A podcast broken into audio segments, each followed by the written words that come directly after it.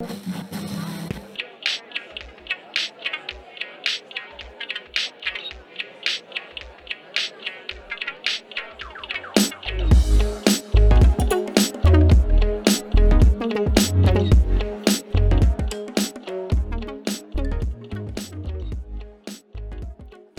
လုံးပဲမင်္ဂလာပါကျွန်တော်တို့ရဲ့ Chilty Podcast မှာကြိုဆိုပါရစေကျွန်တော်ကတော့ကိုမိုးပါကျွန်တော်ကကိုအောင်ပါခင်ဗျာ ကွန်ကွန်ရေကျွန်တော်တို့ကျွန်တော်တို့နေ့ဘာကြောင်းပြောကြမလဲလို့ပါအာဒီနေ့ကတော့ငါတို့စိတ်တက်ကြွအောင်စိတ်တက်ကြွအောင်လို့မဟုတ်ဘူးပေါ့နော်အားပေးစကားတောင်းမလို့တော့သူများတွေကိုစိတ်တက်ကြွအောင်လုပ်တယ်ပေါ့နော် topic လေးပေါ့နော်ငါတို့ရဲ့ personal experience လေးတွေရယ်သူများကိုဘယ်လိုမျိုး motivation လုပ်အောင်လဲဆိုတယ်ပေါ့နော်အဲ့ဒါအရေးကြီးဆုံးပေါ့အခုအချိန်မှာငါတို့ကပြောရင်တော့ dark dark time ဆိုတော့နော်ပြောလို့ရှိရင်တော့မှောင်နေတဲ့ညမှောင်နေတဲ့အချိန်အေးပါဗျာမှောင်နေတဲ့အချိန်ခါကျညဘက်လည်းမှောင်နေကွာမီးကြီးပြတ်တော့သိရမလား အေးပါကွာ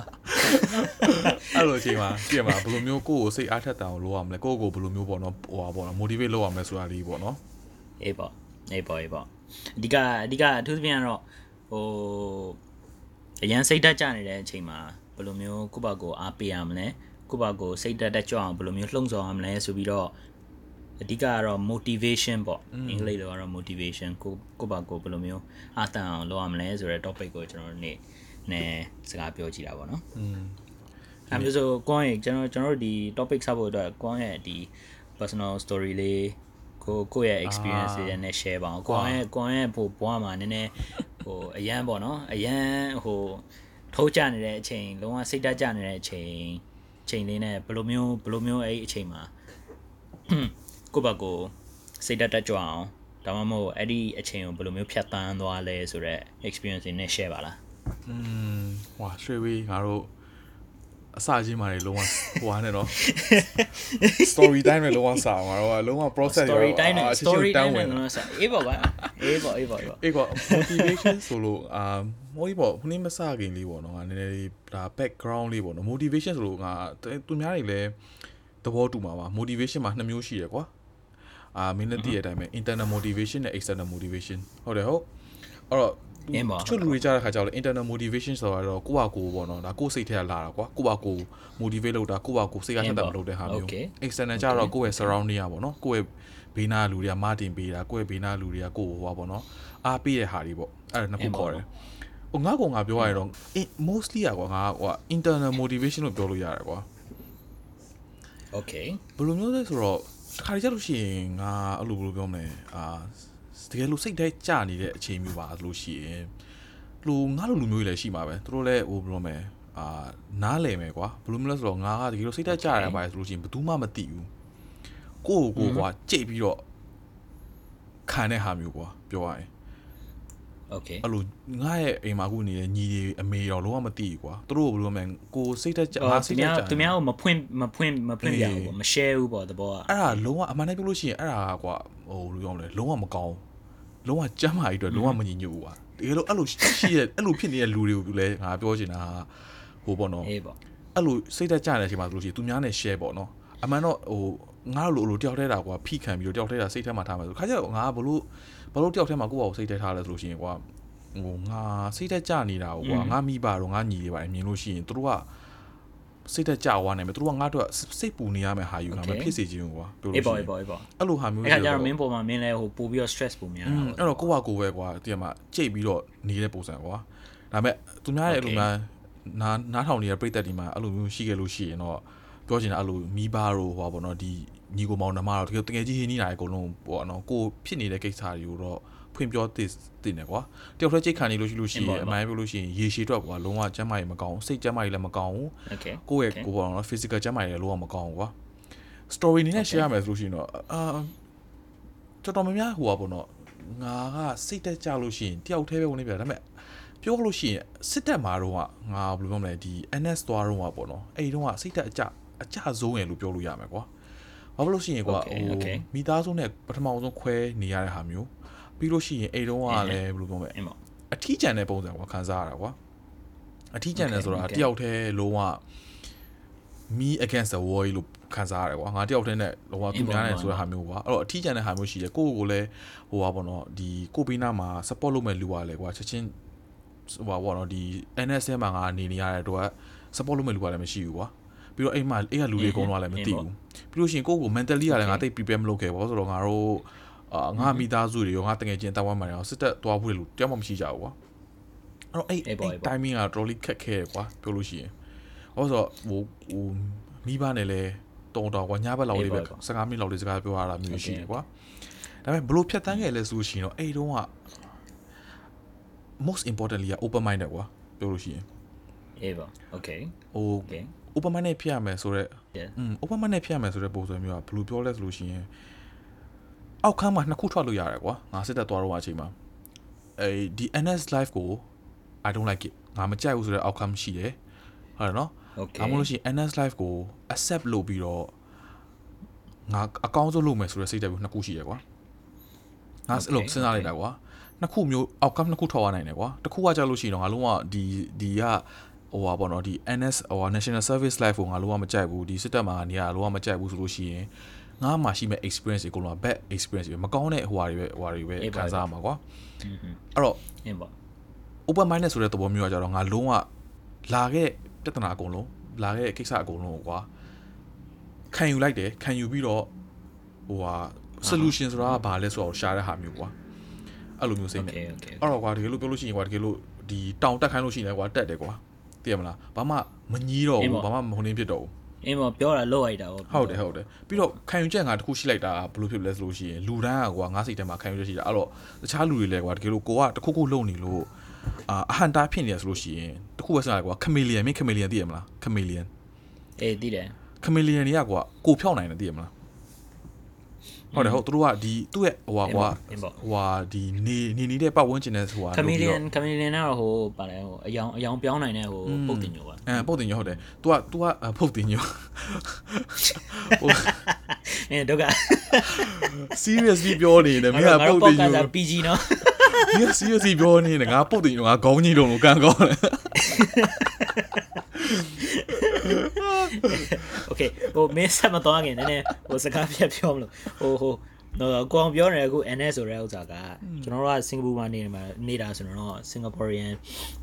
ကျွန်တော်စင်ကာပူမှာနေတဲ့ PR permanent resident ဒါမှမဟုတ် Singaporean ယောက်ျားလေးမှန်သမျှအကုန်လုံးက national service ဆိုပြီးတော့နှစ်နှစ်စစ်မှုထမ်းတာ နှစ်နှစ်ဝင်ရတယ်ပေါ့နော်စစ်တပ်တဲ့နှစ်နှစ်ဝင်ရတာပေါ့အဲ့ဒါမျိုးကျွန်တော်တို့စစ်မှုနှစ်နှစ်ခန်းနှစ်နှစ်ထမ်းတဲ့ဥစ္စာကိုကျွန်တော်တို့အတူကောက် NS လို့ပြောလိုက်တာอืมဟုတ်တယ်ဟုတ်တယ်ငါရှင်းပြဖို့မေးပါကျွန်တော်ဝင်ပြီးတော့ရှင်းကျေးဇူးကျေးဇူးပုံတင်ရကောင်းညိအပြင်ပုံတင်ရငါခေါင်းညိလို့မကန်ကောင်းလဲအဲ့ဟွာ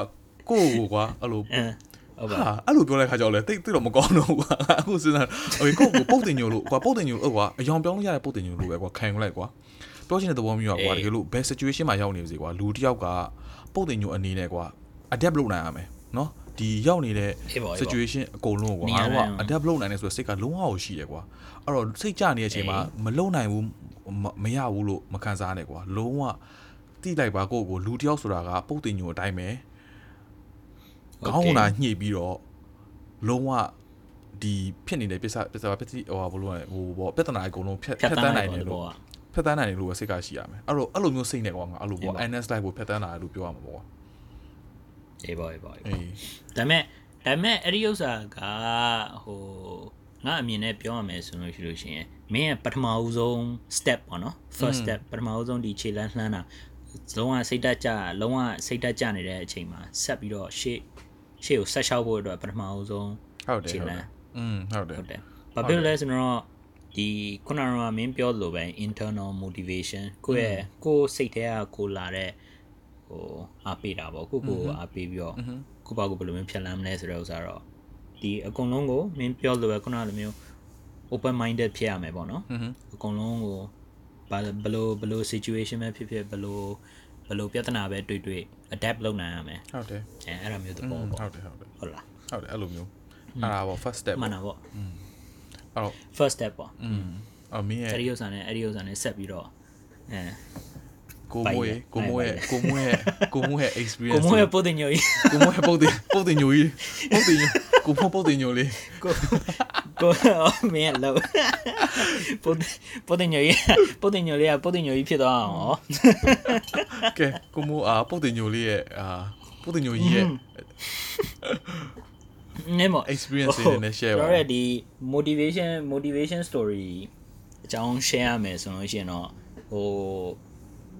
ငါရဲ့စိတ်သက်အကြဆုံးအချိန်ကတော့ပထမဆုံးတင်မောလိုက်တဲ့အချိန် อืม เนาะ share ရမယ်ဆိုရင်တော့ဒီမင်းပြောလို့ပဲကွာဒီတင်မောလိုက်တဲ့တင်မောလိုက်တဲ့ဥစ္စာကအခုငါတို့မြန်မာပြည်ထဲမှာတော့တင်မောလိုက်တဲ့လူတွေကတော့ရှိလဲရှိမှာပေါ့ဟုတ်လားဒီရှိလဲရှိမဲ့အပြင်အာ ဘယ်လိုဘယ်လိုပြောမလဲအာငါတို့ရှိလဲရှိတယ်ဆိုပေမဲ့ငါတို့တငယ်ချင်းတွေကလည်းငါတို့တင်မောစားလိုက်တဲ့အချိန်ငါတင်မောစားလိုက်တဲ့အချိန်2012 2012အဲ့ဒီအချိန်မှာအင်တာနက်ဆိုတာတင်မောမှာမရှိဘူး အာဟုတ်ပြီ တယ်လီဖုန်းခေါ်လို့ရှိရင်လည်းစွမ်းစည်းကြည့်ရယ် อืมอืมอืม ဒီငါတို့နိုင်ဝက်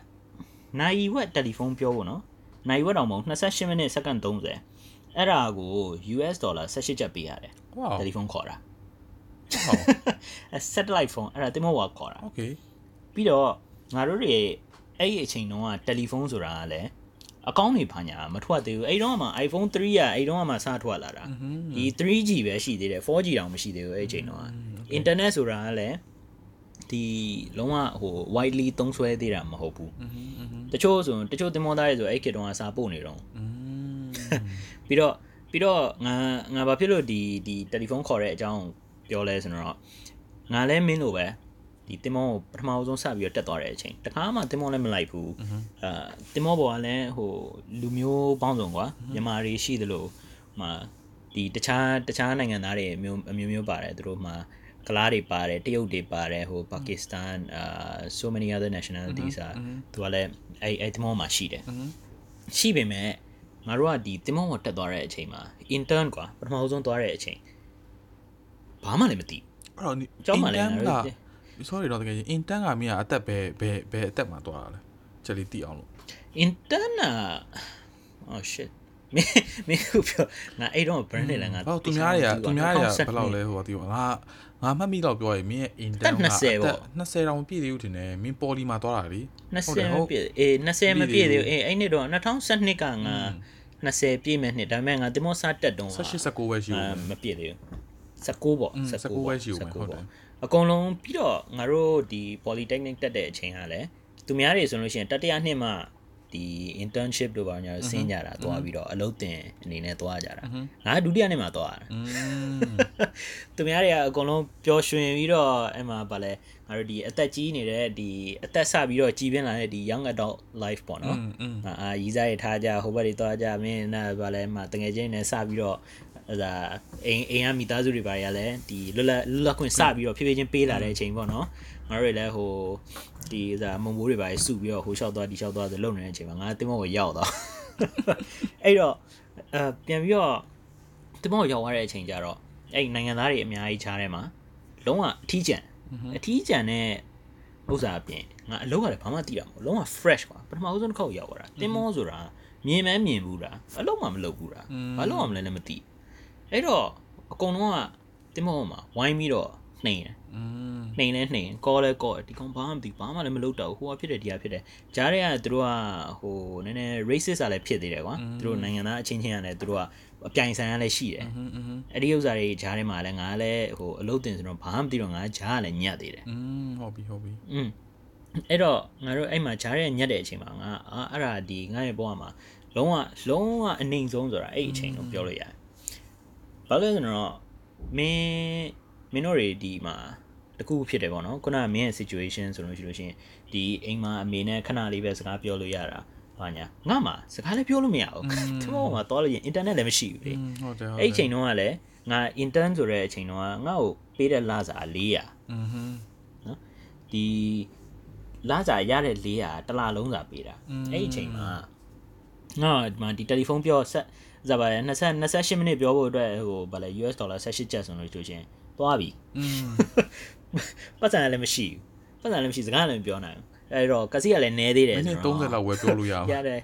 အေးပေါ့အဲအလုံးကအတင်းတစ်ဆိုငါတပတ်မှာတစ်ခါလောက်ပဲဖုန်းခေါ်တာတပတ်မှာတစ်ခါလောက်ဖုန်းခေါ်တာတော့မှ9မိနစ်10မိနစ်လောက်ပဲခေါ်တာ อืมอืมอืม ဟွန်းအဲ့ဒီဥစ္စာတော့မှ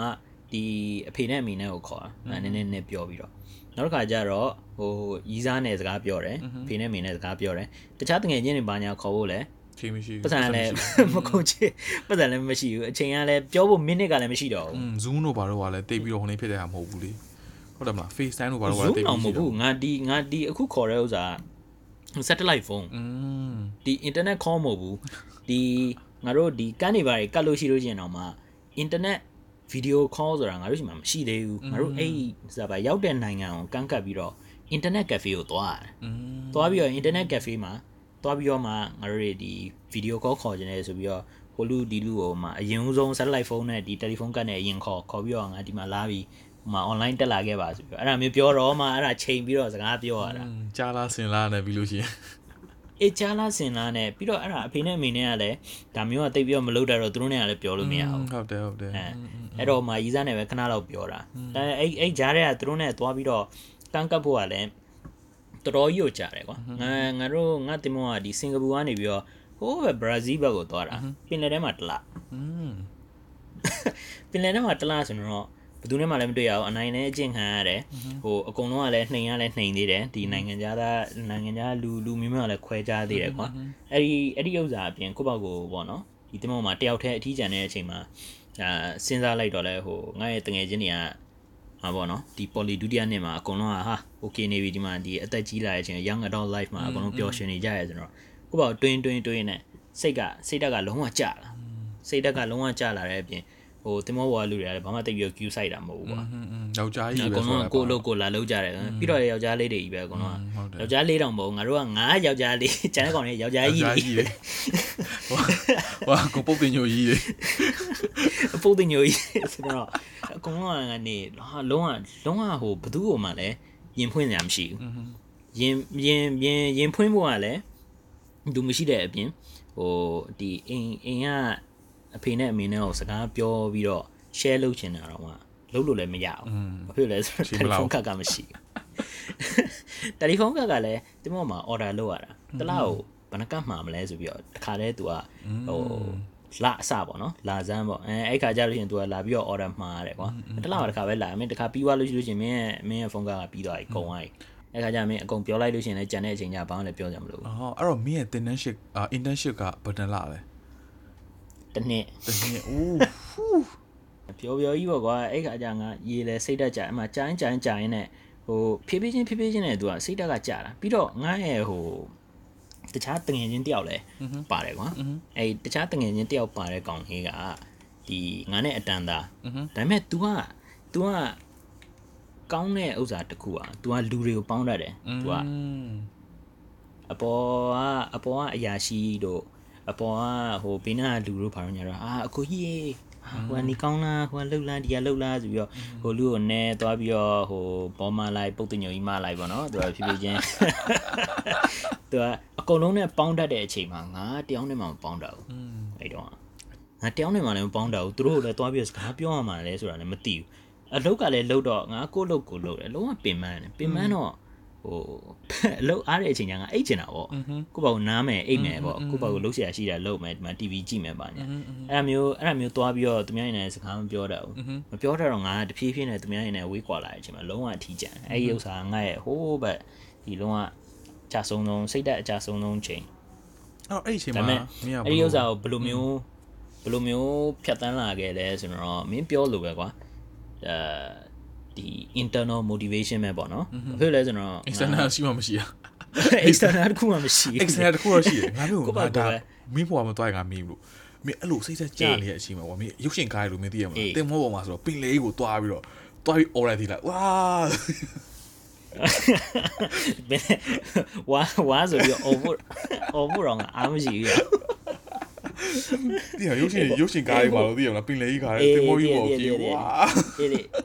အေးလေအေးလေအေးလေဟိုဘာဘာဖြစ်လို့ငါ့ကိုဒီမှာလုံးဝမမြတ်တာလဲဝါဆိုအော်ရပုံသားအေးအော်ရမော်ပြပါဘူးဟုတ်အော်လို့ရှိရင်အစဲကမ်းမှာဆိုတော့ငါမော်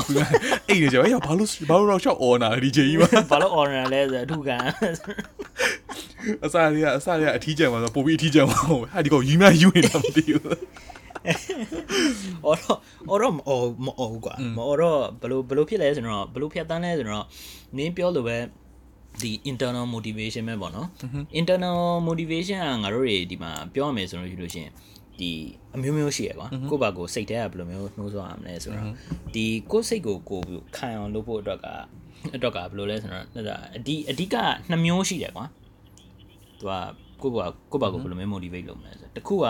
competence motivation လို့ပြော competence ဆိုတာကတော့ကိုယ့်ဘာကိုကိုယ့်ရဲ့ skill တွေကိုယ့်ရဲ့ဟို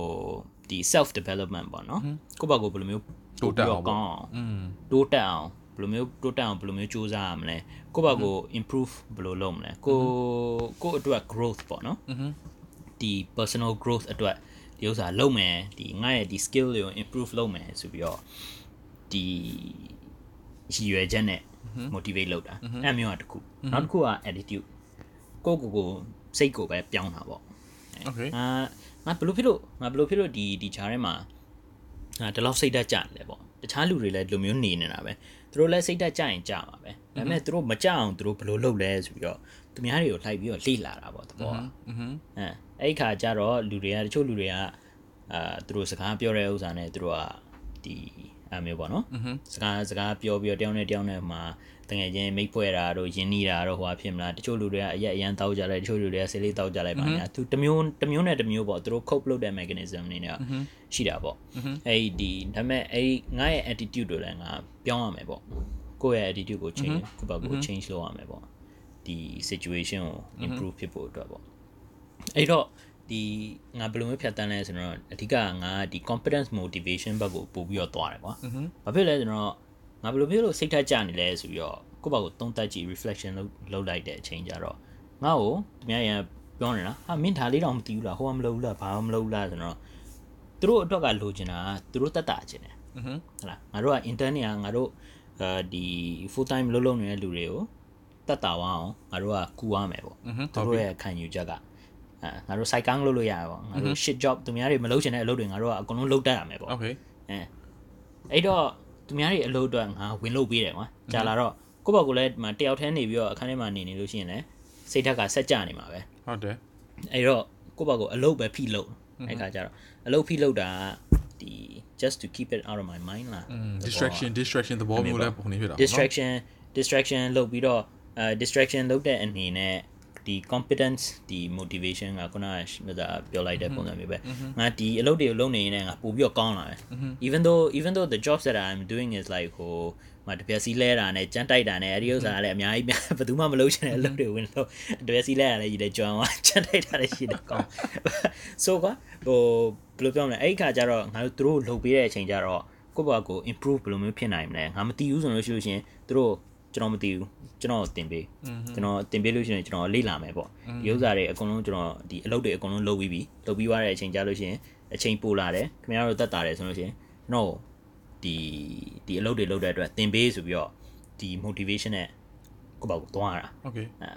အဲခုနကမင်းပြောလို့ပဲဒီဥစ္စာကဒီ attitude ကိုပြောင်းလိုက်တဲ့အချိန်မှာစပြီးတော့ချိန်လန်းလှမ်းတာပေါ့အဓိကကတော့အဓိကကတော့တချို့လူတွေဆိုလို့ရှိရင်ငါ့ရဲ့တငယ်ချင်းတွေထဲမှာဆိုလို့ရှိရင် ဒါတွေမခံနိုင်ဘူးမခံစားနိုင်ဘူးသူတို့ဒီ lifestyle ကိုမကြိုက်ဘူးကိုယ့်ဘက်ကို motivate မလုပ်နိုင်တော့အရှုံးပေးတယ်အဓိကသူတို့လုံးဝအရှုံးပေးတယ်သူတို့အိမ်ပြန်မယ်တင်မောဆက်မလိုက်တော့ဘူးပါညာပေါ့နော်အဓိကကတော့အရှုံးမပေးဖို့ကအဓိကอืมကိုယ့်ဘက်ကိုအလုပ်အရှိအရှိခြေလမ်းကိုဆက်မလန်းနိုင်ဘူးလုံးဝ impossible လို့ဖြစ်တယ်လို့ထင်နေလို့ရှိရင်အာ it's just that you haven't found the right way လာ to move forward အဲ့တော့ကိုယ့်ဘက်ကိုပဲ ဆက်ဟိုပါလေ just search inside yourself အာအဲ့ဒါမျိုးနဲ့ပဲငါငါပြောလို့ပေါ့ကိုယ့်ဘက်ကိုတုံးတက်ပြီးတော့ရှေ့ကိုဘယ်လိုမျိုးဆက်ရှောင်းရမလဲဆိုပြီးတော့ကိုယ့်ဘက်ကို motivate လုပ်တာပေါ့ဘာဖြစ်လဲဆိုကိုယ့်ဘက်ကိုကိုယ့်ဘက်ကိုအားမပေးလို့ရှိလို့ရှိရင်ဘယ်သူမှလည်းအားမပေးနိုင်ဘူးလေသူများရဲ့အားပေးလို့ရှိရင်တော့မှကိုကိုယ့်ဘက်ကိုလည်းစိတ်ထဲကနေပြီးတော့ပို့ပြီးတော့ကောင်းလာဖို့လိုအပ်ရမယ်လေလိုလားရမယ်လေ you need to you need to want it you you need to want for yourself to feel better အဲ့မျိုးပေါ့ အဲ့ခါကျတော့ကိုယ့်ဘက်ကိုကိုယ့်ဘက်ကိုစိတ်ထဲကအာ I want to improve myself ဆိုပြီးတော့ I want to make myself better I want to make my situation better ဘာဖြစ်လဲဆိုကိုယ့်ဘက်ကိုပဲအားကိုးလို့ရတာဆိုပြီးတော့စိတ်နဲ့အာဆက်ပြီးတော့ဆက်လျှောက်လိုက်တဲ့အချိန်ကျတော့ so things got better I guess အဲ့မျိုးပေါ့อืม so ဟိုငါတို့ဒီဒီ motivation အကြောင်းကိုဒီနည်းနည်းအာဟိုနည်းဒီ ဆက်ဆက်ပြီးတော့ပြောရမယ်ဆိုလို့ရှိရင် external motivation တွေကြတော့လဲရှိတာပေါ့တဘောက external motivation ကတော့ဒီဟိုဆက်ပြီးတော့ရှင်းနေဆိုတော့ဟဟိုခုနကငါတို့ပြောတာကတော့မင်းနဲ့ငါနဲ့ဆိုလို့ရှိရင်ဒီကိုယ့်ဘက် Internally ကိုပေါ့နော်အားပေးပြီးတော့ဗောနော် internal ကိုကိုယ်စိတ်ထဲကကိုယ်နဲ့ဟိုဟိုဘယ်လိုစိတ်ဝင်စားလို့ internally ဆိုတော့ဝေကွာငါဘယ်လိုပြောမလဲစိတ်ဝင်စားတစ်ခုကောင်းတာကွာငါနဲ့မင်းနဲ့ internal အေး motivation ကတော့နှစ်ယောက်ကတိုက်တိုက်ဆန်ဆန်ရှိရကွာ so อืม is it because we are the oldest or like we are the one of the oldest အေးပေါ့ဟိုတာတာကြည့်မှာအဲ့ဒါမျိုးအကြီးတယောက်ပြောမှာအကြီးတယောက်အနေနဲ့ကြောက်မို့လို့ငါတို့အေးအဲ့ပေါ့လိုမျိုးစိတ်ဓာတ်မျိုးရှိခဲ့တာလားသိရမလားစိတ်ဝင်စားဖို့ကောင်းတယ်ဘာဖြစ်လို့ရှိရင်ကွာအငယ်တွေပါဆိုလို့ရှိရင်ကွာ maybe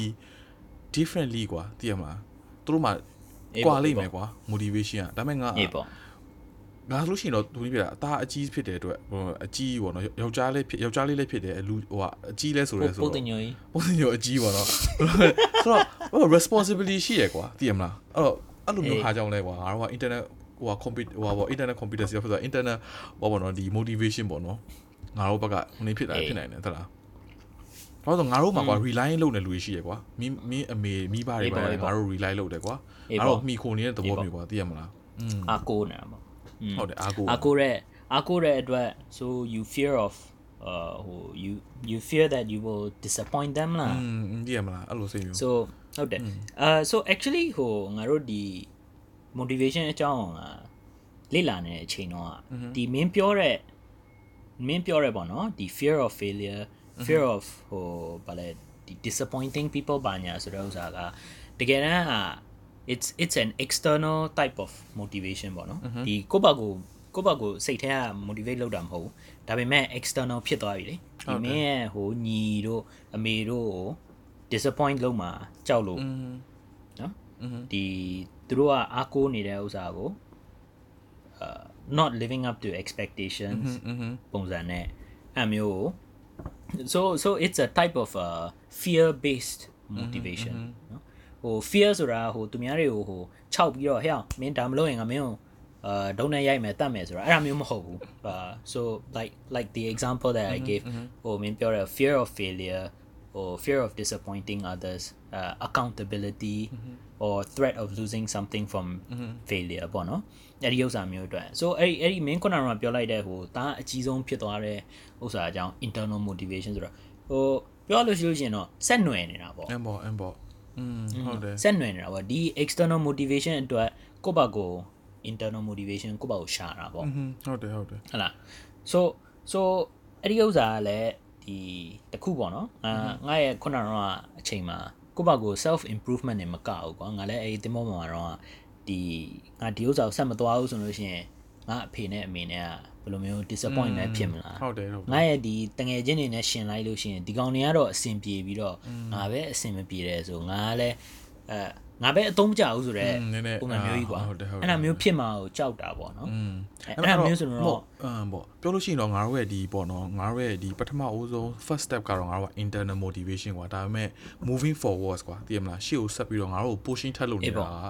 external factor တွေအကုန်လုံးကပါလာအောင်သိရမလားအေးပေါ့ဒါကတော့ငါတို့ရဲ့ဒီ personal experience နဲ့သွားတာပေါ့နော်ဒါပေမဲ့တခြားတခြားတခြားပေါ့နော်ဒီစိတ်ဓာတ်ကျနေတဲ့အချိန်မှာ ယ်လိုမျိုးဆက်ပြီးတော့သွားနိုင်လဲဆိုတာအဓိကကတော့ကိုယ့်ဘာကိုယ်ဘယ်လိုမျိုး motivate လုပ်နိုင်မလဲဒီ external ဒီ external ဒီအပြင်ကဒီ factor တွေကိုကြည့်ရမယ်ဒီအကြောင်းရင်းတွေကိုနည်းနည်းဟိုဒီစိတ်ငြိမ်နေတဲ့အချိန်ပေါ့နော်ဆက်ပြီးတော့ဘယ်လိုသွားရမလဲဆိုပြီးတော့စဉ်းစားတဲ့အချိန်မှာ external factor တွေကိုအရင်ဆုံးကြည့်ရမယ်ကြည့်ပြီးတော့ကိုယ့်ဘာကိုယ် internal factor နဲ့ကိုယ့်စိတ်ထဲကကိုယ်ဘယ်လိုမျိုးဘယ်လိုမျိုးဆက်ပြီးတော့ဖြည့်ရှင်းမလဲပြဿနာဖြည့်ရှင်းမလဲဆက်ပြီးတော့ရှေ့လျှောက်ဘယ်လိုသွားရမလဲဆိုပြီးတော့ အဲအဲ့ဒါမျိုးအဆင့်ဆင့်ပေါ့နော်ဒီ step by step အဲ့ဒါမျိုးလုပ်ပြီးတော့ကိုယ့်ဘာကို motivate လုပ်ရတာပေါ့အဲ့တော့ညင်ပေါ့ motivation motivation ကိုလည်းဟိုဘာဖြစ်လို့အရေးကြီးလဲဆိုတော့ဒီကိုယ့်ဘာကို motivate မလုပ်လို့ရှိလို့ရှိရင်အဓိကဒီ depression ဝင်တာတို့ mental health issue ဘာညာတို့လည်းရှိနိုင်တယ်ဟုတ်နော်ဒီဒီ mental health issue ကသူများတွေတိတ်ပြီးတော့စကားဟိုတိတ်ပြီးတော့ငါတို့ဒီ Asian culture မှာတိတ်ပြီးတော့ share မလုပ်ကြအောင်မပြောကြဘူးဟုဒီတ်ကတယ်ဟုတ်တယ်အဲဘာလို့လဲဆိုတော့ဟိုကြောက်တာနဲ့ငါတို့ခုနကတော့မင်းမင်းခုနကတော့ပြောလို့ပေါ့နော်ဟိုသူများတွေသူများတွေကငါ့ကိုအားကိုးနေတာအားကိုးနေတဲ့ဥစ္စာမှာငါတို့ကအသုံးမကျလို့ရှိလို့ရှိရင်သူတို့ကဒီ disappoint ဖြစ်သွားမှာတို့ဘာလို့ညာတို့အဲ့ဒါမျိုးကြောက်ကြတာနဲ့ငါတို့ရဲ့ဒီ Asian culture ကအဲ့ဒါမျိုးရှိတတ်တယ်ရှိတတ်တဲ့အခါကျတော့ဟကိုယ့်ဘာကိုစိတ်ထက်ကြနေတဲ့အချိန်မှာသူများတွေလည်းမပြောဘူးသူများတွေလည်းမ share ဘူးဆိုတော့ကြာလာတော့ဒီဥစ္စာ mental health problem ဖြစ်လာ အောင် ဟုတ်တယ်အော်မင်းငါဘာပြောမလဲဆိုတော့လုံးဝမသိလို့ရှိရင်တော့ငါ mind ကို read လိုက်တဲ့အတိုင်းပဲငါကလို့ instant motivation ကိုပြောနေချိန်မှာငါပြောချင်တာပေါ့ဘယ်လိုပြောမလဲ อืม ကိုတို့ငါနဲ့မင်းတို့เนี่ยကျတော့ internally ငါတို့ကစတာကွာဒါပေမဲ့ အေး တချို့လူတွေကကွာဟိုဘယ်လိုပြောမလဲငါတို့လူတော်မှာကွာ okay ဒါကတော့တကယ် personal experience တစ်ခုပဲကွာပြောရရင် อืม အဲ့လို depression တွေဘာတွေအကြောင်းပြောနေနေပေါ့နော်ဒါငါအခု share share ချင်တာတစ်ခုကဘယ်လိုပြောမလဲ အဲ့လိုရှိနေတဲ့လူတွေအဲ့လိုရှိနေတဲ့ပြည်သက်တွေပေါ့နော်တကယ်လို့နားထောင်နေလို့ရှိလို့ရှိရင်ကွာငါ just want to say is is all right ကွာအေးဘလို့လို့ခံစားဘလို့ဘလို့ပဲခံစားနေရပါစေကွာညာတိုင်းလို့လို့ဘလို့ပဲကွာတယောက်တည်းအထီးကျန်တယ်လို့ခံစားနေရပါစေကွာမပြိသက်တည်းရဲ့ပေါ့နော်တယောက်တည်းမဟုတ်ဘူးဆိုတာကိုမမေ့ပါနဲ့လို့ငါအဲ့လိုသူတို့အတိပေးခြင်းတယ်ကွာပြိသက်တွေမှာရှိရလို့ရှိရင် ဒီပေါ့နော်ဟိုဒီပြိသက်တွေမှာတယောက်တည်းခံစားနေရတာမဟုတ်ဘူးတခြားလူတွေကလည်းခံစားနေရတယ်ဒါပေမဲ့တယောက်တည်းအထီးကျန်နေလို့စဉ်းစားလိုက်နေတဲ့အချိန်မှာအထီးမကျန်ဘူးဆိုတာလည်းငါအတိပေးခြင်းတယ်ကွာတငယ်ချင်းတွေရှိတယ်မိဘတွေရှိတယ်မိသားစုရှိတယ်ဆိုတဲ့ဟာလေးကိုမမေ့စေချင်ဘူးကွာ ပြီးတော့ကိုယ့်ကိုယ်ကိုယ်ကဘာဘွားမှာကွာဟိုတန်မိုးမရှိဘူးလို့မထင်လိုက်ပါနဲ့เนาะဟိုတန်မိုးမရှိဘူးလို့ကိုကထင်လိုက်တာနဲ့ကွာဒါကြီးကဘယ်လိုပြောမလဲဒီဟို value ကဟိုမရှိဘူးလို့ထင်လိုက်ဆိုတော့ဒီဒါ အရှုံးပေးတဲ့သဘောမျိုးလို့မင်းပြောလို့အရှုံးပေးတဲ့သဘောမျိုးဖြစ်သွားပြီကွာအော်ဘယ်တော့မှအရှုံးမပေးမှနဲ့န်တာကွာပါမှန်တာလုံးဝတန်မိုးမရှိလို့မထင်လိုက်ပါနဲ့အမြဲလိုလိုဟိုပေါ့နော်မနဲ့မိုးလင်းတာနဲ့ကွာ is everything's going to be fine ကွာနော်ဘာဖြစ်လို့ဆိုလို့ရှိရဲကွာဘာဖြစ်လို့ဆိုလို့ရှိရင်ငါဟိုဒါဒါတကယ်လုံးဝ personal experience တကယ်ကိုယ့်ရဲ့ခံငါကိုယ်တိုင်ကွာဟိုဘယ်လိုမလဲအာတွေ့ကြုံခဲ့တဲ့အဒီဟိုကွာဟိုအေးပေါ့ story လေးကွာပြောရရင်ငါငါရဲ့ဘယ်လိုမလဲဟိုပေါ့နော်ရီစာဟောင်း ex girlfriend ပေါ့နော်ရီစာဟောင်းရီစာဟောင်းနဲ့ဒုံကငါနဲ့သူနဲ့ဟိုပေါ့နော်အတူတူနေအတူတူတွဲတာတစ်နှစ်ခွဲလောက်ကြာတယ်တစ်နှစ်ခွဲလောက်ကြာတယ်อือဟึဆိုစတွဲတော့ငါတို့ကလုံးဝငါလုံးဝမသိဘူးကွာသူဘာမျိုးဘာရှိလဲဘာလဲလုံးဝမသိဘူးဒါပေမဲ့ slowly တွဲလာတဲ့အချိန်ကြာနေကွာသိလာတာတခုကွာသူ့မှာ depression ရှိတယ်ကွာအေးပေါ့ okay အဲ့တော့အဲ့ချိန်မှာငါလုံးဝ depression ဆိုတာဘာမှလုံးဝမသိခဲ့ဘူးကွာအမှန်ပြောလို့ရှိရင် သိရမလားငါအမှန်တမ်းပြောလို့ရှိရင်ကွာလူတိုင်းမှာကွာ mini depression ကွာ depression သေးလေးငါတို့မှာလုံးဝရှိရကွာ like a, a Okay, bit of okay. a bit of dark side in our in ourselves everybody has it အေးပေါ့အေးပေါ့အေးပေါ့ဟုတ်တာပေါ့ဟုတ်တာစမော့ဟုတ်တာပေါ့တချို့လူတွေမှာပုံများမယ်တချို့လူတွေမှာပုံနေမယ်တချို့လူတွေကပို့ပြီးတော့ပြတယ်တချို့လူတွေကတိတ်မပြဘူးအဲ့လိုမျိုးဟာလုံးဝရှိရဆိုလုံးဝခံရအေးပေါ့တယ်အေးပေါ့ဒါပေမဲ့ဒီချိန်မှာအေးပေါ့ကျတော့ငါနဲ့တွေ့နေတဲ့အကောင်မလေးအပေါ်တော့ဒီငါရဲ့ဟိုပေါ့နော်ရီစာကကြီးစားအဲ့ရီစာဟောင်းက तू က dark side ပြောလို့ရှိရင်ကွာ depression အရန်ရတဲ့ဟာမျိုးကွာဘယ်လိုမျိုးဖြစ်လဲဆိုလို့ရှိရင်ကွာအေးပေါ့အေးပေါ့ experience နဲ့ပြောရရင် sensitive ဖြစ်တာပေါ့တဘောဟို sensitive ရလို့မဟုတ်ထိဘူးခိုက်ကွာလွယ် sensitive ထိခိုက်လွယ်တယ်မဟုတ်လို့ပြောလို့မဟုတ်ဘူးကွာ depression ရတဲ့လူတိုင်းမှာကွာသူတို့ရဲ့ ex- ငါသူတို့ဟိုဘယ်လိုမလဲဒါကဟိုငါ experience ရှိလို့ပြောတာကွာဒီနားထောင်နေတဲ့ပရိသတ်တွေလည်းอืมရှိနေတဲ့လူလည်းနားထောင်လို့ရှိလို့ရှိရင်သဘောတူနမယ်ည်းနည်း relate လုပ် relate လုပ်ရနိုင်မှာမယ်ပေါ့တကယ်လို့အေးပေါ့ relate မလုပ်နိုင်လို့တကယ်လို့နားထောင်နေလို့ depression မရှိတဲ့လူတွေကိုလည်းငါအတိပေးချင်တာလူတိုင်းမှာကွာ ညဘက်တိုင်းဆိုလို့ရှိရင်သူတို့မှာသူတို့ရဲ့ပြဿနာရှိရကွာအဲ့တော့ကိုယ်စကားပြောတာ yes ပြောတာပြောပြောတာဟိုပါဘောနော်စကားနေ့တိုင်းမှာနေ့စဉ်မှာသူများကိုပြောတဲ့ဟာတွေပါဒီအကုန်လုံးက effect မဖြစ်ဘူးလို့မထင်လိုက်ပါနဲ့ဖြစ်တယ်ကွာ to some extent အဲ့တော့ဘယ်လိုပြောမလဲဒီကလေးကိုကြီးပြောရင်ငါရဲ့အကြီးစားဟောက်ဆိုလို့ရှိရင်ညဘက်ဆိုလို့ရှိရင်ကွာစကားပြောနေတယ်ငါတို့ကဖုန်းစကားပြောနေတဲ့အကောင်ငါတို့ခါကျရင်ငါတို့ WhatsApp ခေါ်ရပါလို့တယ်ကွာဖုန်းစကားပြောနေတဲ့အကောင်တနားရီခွဲနှစ်နာရီလောက်ကြာလို့ရှိရင်အလိုနည်းသူ့အောက် depression ဝင်လာတာ oh we are not like ငါတို့ဘာ depression အကြောင်းလည်းမပြောဘူးစိတ်ဓာတ်ကြလည်းမပြောတော့တကယ်လို့ပြောလို့ရှိရင်ကွာမနေ့ပြန်ပါစားကြမယ်မနေ့သူ့ဘာတယောက်တည်းနေနေသူ့ဘာဆို auto တယောက်တည်းတယောက်တည်းနေလို့ရှိရင်ပိုဆိုးတယ်သူများနေလို့ရှိရင်လည်းထိတယ်ဒါပေမဲ့အေးသူများငါနဲ့စကားပြောလို့ရှိရင်ကွာအမြဲကွာငါ့ကိုဖုန်းချလိုက်လို့အမြဲပြောတယ်ကွာဖုန်းချလိုက်တော့အေးငါအိတ်တော်မယ်ဘာသာပြောမယ်တကယ်လို့သူကပြီးလို့ရှိရင်ကွာအာနှစ်နာရီသုံးနာရီကျရင်သူသူ့ကိုထပြီးတော့ငိုတာကွာငိုလို့ရှိရင်ကွာဘယ်လိုပြောမလဲဒါအတွေးတွေဝင်လာတာကွာပြောလို့ရှိရင်အတွေးတွေဝင်လာပြီးတော့ तू ကအေးပေါ့အေးပေါ့အေးပေါ့ အတွေးတွေကိုစဉ်းစားပြီးတော့ तू ကအဲ့လိုမျိုးကွာစဉ်းစားတိုင်းဝမ်းနေပြီးတော့ तू ကငိုနေတာငါငါတေွားလို့ရှိလို့ example ကွာငါတို့ဖြစ်ခဲ့တဲ့ experience ကိုပြောလို့ရှိရင်ငါတေွားခဲ့လို့ရှိလို့ရှိရင်ငါရဲ့ဟိုဘယ်လိုနော်အာသူပါကိုဘယ်သူကလာမှာလဲလာမဲ့လူမရှိလာမဲ့လူမရှိဘူးအဲ့လိုစဉ်းစားပြီးတော့တွေးရတာလည်းရှိတယ်ကွာ so like အဲ့လိုမှ depression ရှိတယ်တကယ်လို့ကိုလိုပြိတ္တတွေထဲမှာကိုကလို့တိခဲ့တယ်ပေါ့နော်တကယ်လို့အခုတကယ်လို့ယောက်ျားလေးဆိုလို့ရှိရင်ကိုကကိုနဲ့တွဲနေတဲ့ကောင်မလေးမှာ depression ရှိရလို့တိခဲ့လို့ရှိလို့ရှိရင် သူတို့ကဖုန်းချပါပြောတိုင်းဘယ်တော့မှဖုန်းမချပါနဲ့ တခုပြောရင်က အေးပေါ့အေးပေါ့ ဘယ်လောက်ပဲပင်ပန်းပါစေကွာဖုန်းမချနိုင်ဘာဖြစ်လို့ရှိရင်ဖုန်းချလိုက်ချင်းတာသူတို့ကို example အနေနဲ့ပြောလို့ရှိရင်သူတို့ကိုအရှုံးပေးလိုက်တယ်ဆိုတဲ့သဘောမျိုးကွာပြောရရင်ဒီမှာသူတို့ကိုလုံးဝလှုပ်ပေးလိုက်တယ်ဆိုတဲ့သဘောမျိုးရှိရင်သူတို့ကအဲ့ဒါမျိုးပို affect ဖြစ်တယ်ကွာအဲ့တော့သဘော အေးပေါ့ အဲ့လိုအဲ့လိုဆိုလို့ရှိရင်ဟိုပါပေါ့နော် သူတို့ရဲ့ thought process ကြီးရတာ top process ကြီးကအရန်กว่าတယ်အဲ့လိုညဘက်တွင်းမှာအဲ့လို depression ဝင်လို့ရှိလို့ရှိရင်သူတို့ရဲ့ top process ကကွာမင်းပြောလို့ကွာ အရန်ကိုကြောက်ဖို့ကောင်းတယ်ကွာငါငါကြောက်တာမဟုတ်ဘူးကွာငါတူတော်ကြောက်ပေးတာကွာဘာလို့လဲဒီလုံးဝကွာအေးပေါ့အေးပေါ့အေးပေါ့ suicidal thought တွေပါအကုန်လုံးဝင်လာတာကွာပြောလို့ရှိရင်အေးပေါ့အေး so ပေါ့အေးပေါ့ is very bad အဲ့တော့ဒါ external motivation တွေလည်းပြောလို့ရှိရင်ကွာဘယ်လိုပြောရမလဲဆိုလို့ရှိရင်အဲ့တော့ငါအဲသူနဲ့တွဲနေတဲ့အချိန်တစ်နှစ်တွဲမှာပေါ့နော်ဒီ depression တို့ motivating others ကိုငါတော်တော်လေးကိုငါဖတ်မိတယ်ကွာ psychology psychology နဲ့ဆိုင်တဲ့ဟာတွေအကုန်လုံးငါတော်တော်ဖတ်ပြတယ်ကွာအေးပေါ့လေးလာတာပေါ့ကောနော်လေးလာတာဆိုတာဘယ်လိုပြောမလဲအေးပေါ့အာအဲ့တုန်းကတွဲနေတွဲနေတဲ့အချိန်မှာဆိုတော့ဘယ်လိုပြောမလဲသူ့ကိုငါအတက်နိုင်တော့လုပ်ပေးခြင်းနဲ့ကွာအဲ့လိုစိတ်နဲ့လေးလာတာရှာတာကြာတကယ်လို့ဒါအခု sharing ပေါ့နော်ပရိသတ်တွေမှာလည်းအဲ့လိုတငယ်ချင်းတို့နော်လူတို့ပေါ့ညီကိုမောင်နှမတငယ်ချင်းမိဘ anyone ရှိခဲ့လို့ရှိလို့ရှိရင်ကွာသူတို့က external motivation အရန်လိုတယ်ကွာ အေးပေါ့အေးပေါ့ external motivation အရန်လိုတ မှ ယ် န်ပါပါ external ကငါဘယ်လိုပြောရမလဲဆိုလို့ရှိရင်ကွာ sometime ကရဲ့အဲ့လိုရီစာဟောင်းကွာ तू ကသူ့ရဲ့ဟိုက appearance မှာ तू က confident မရှိဘူး อืมโอเค ဟုတ်ပြီနော်အဲ့လိုမျိုးရှိအဲ့လိုမျိုးမရှိသေးဘူးဆိုတာကိုကတကယ်လို့ကိုကတီးခဲ့ရဆိုလို့ရှိရင် external motivation နဲ့ကိုကဘယ်လိုပေးနိုင်လဲဆိုတာလေးကိုစဉ်းစားကြည့်ကွာ ဟုတ်တယ်နော်ငါဆိုလို့ရှိရင် example ပြောလို့ရှိကွာအရန်ကြီးလည်းလုပ်လို့မရအောင်อ่ะချောလိုက်တာအေးအာ yes but ဒါပေမဲ့အရန် obvious ကြီးလုပ်လို့မရဒီအောင်နေ့ချစ်စရာလေးအာအာ obvious လို့ရှိလို့ရှိလို့ရှိရင်ကွာသူတို့ကတိသွားတယ်အေးပေါ့သူတို့တိလို့ရှိရင် it doesn't it doesn't သူတို့တိလို့ရှိရင်အဲ့ဒါတိတ်ပြီးတော့အသုံးမဝင်တော့ဘူး အဲမျိုးဆိုလို့ရှိရင်နည်းနည်း fake ဖြစ်သွားတာอืม fake ဖြစ်သွားတယ်စိတ်ထဲကနေပြီးတော့ဟိုနည်းနည်းတိတ်ပြီးတော့မပါဘဲနဲ့ sincere မဖြစ်တော့ဘူးပေါ့ yes နော်စိတ်မပါဘဲနဲ့ပြောတဲ့ပုံစံမျိုးဒီကွာပေါ့ဒီပြောတာပြောတာနည်းနည်းဒီတိုင်းပဲနေကပြောတာပေါ့နော်ဟုတ်တယ်တကယ်တကယ်နဲ့စိတ်ထဲကထင်တာလည်းမဟုတ်ဘူးပါဟုတ်တယ်ညာတာဝန်ရနော်စိတ်ချမ်းသာအောင်တာဝန်ရလုပ်ပြောနေတယ်ဆိုတဲ့ပုံစံမျိုးကြီးကိုဖြစ်နေတယ်ကွာအဲ့တော့ day to day ကွာအေးပေါ့သိရမလား like မင်းပြောလို့ကွာအရန်ချောတယ်အရန်ချစ်စရာကောင်းတယ်သိရမလားအဲ့လိုမျိုးလေးကိုပြောပေးမယ် appearance အနေနဲ့ပြောလို့ရှိရင်နောက်ပြီးတော့အဲ့လိုမျိုးကွာသူတို့အထီးကျန်တဲ့ ဆိုပြီးတော့ depression ရှိအတရယ်န်ချောတယ်အရန်အရန်ချစ်စရာကောင်းတယ်ဆိုတော့ပေါ်တင်ကြီးတော့တော့ပြောနေပါငါငါအခုမှပြန်ပြီးတော့စဉ်းစားကြည့်ဟာအရန်ချောရတာအရန်ချစ်စရာကောင်းရတာဟဲ့အန်ကယ်ကကျမကိုဘယ်ခေါ်ရမလို့လဲမဟုတ်ဘူးလေကွာကိုစီးရဲ့လူကိုပြောလေကွာသူများကိုမသွားပြီးတော့ဘောနေတော့ပြောတယ်အေးမဟုတ်ပါဘူးအေးပါဟုတ်ပါတယ်ပုတ်တင်ညိုတဲ့ကောင်းစိုးပါလိမ့်မယ်နော်ညမင်းတို့ကဟုတ်အဲ့လိုကွာအဲ့လိုနည်းနည်းကွာအဲ့လိုတကယ်လို့ကွာ example အနေနဲ့အဲ့လိုပြောတာကွာအေးပေါ့နည်းနည်း compliment ပေးပေါ့ compliment ပေးပြီးလို့ရှိလို့ရှိရင် compliment ပေးပေးပေါ့ဟာတကယ်လို့ရှိခဲ့တယ်ဆိုလို့ရှိရင်သူတို့အများအားပြောပေးကွာ don't worry like i'm always here for you ဟုတ်တယ်သူတို့ remind မြဲလို့ပေးကွာငါမင်းအေးတို့ပေါ့အများရှိပေးနေမယ်ငါမင်းတို့ဒီမှာရှိတယ်စိတ်မပူနဲ့လို့ချင်တာလို့အကုန်ရတယ်ဆိုတဲ့ဟာမျိုးလေးအဲ့လို remind လုပ်ပြီးလို့ရှိရင်ကွာဒါသူတို့အတွက်ကွာ mental health ကိုအရင်အသုံးဝင်တယ်လို့ပြောလို့ရတယ်ကွာ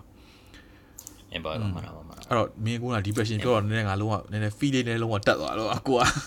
အော်အေးပေါ့အေးပေါ့ဒါပေမဲ့ဟိုမင်းမင်းခုနကဟိုပထမဆုံးစပြီးတော့ငါတို့ဒီ episode စတော့ကပြောလို့မျိုးကွာတခုခု စိတ်တက်ကြနေတယ်စိတ်ထဲကအောက်ကိုရောက်နေတယ်ပေါ့နော်စိတ်တက်ကအလုံးဝအဆိုးဆုံးနဲ့အနေဆုံးကိုရောက်နေတဲ့အချိန်ဆိုလို့ရှိရင် first step ကတော့တက်နိုင်လို့ရှိလို့ရှိရင်ရင်ဖွင့်ပြီးတော့ share ပေးပါဟုတ်တယ်ဟုတ်တယ်ကြောင်းနဲ့တယောက်อืมစကားပြောဟုတ်တယ်မ maybe maybe you know ဟို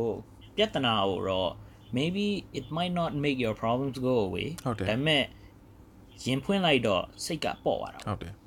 ဟုတ်တယ်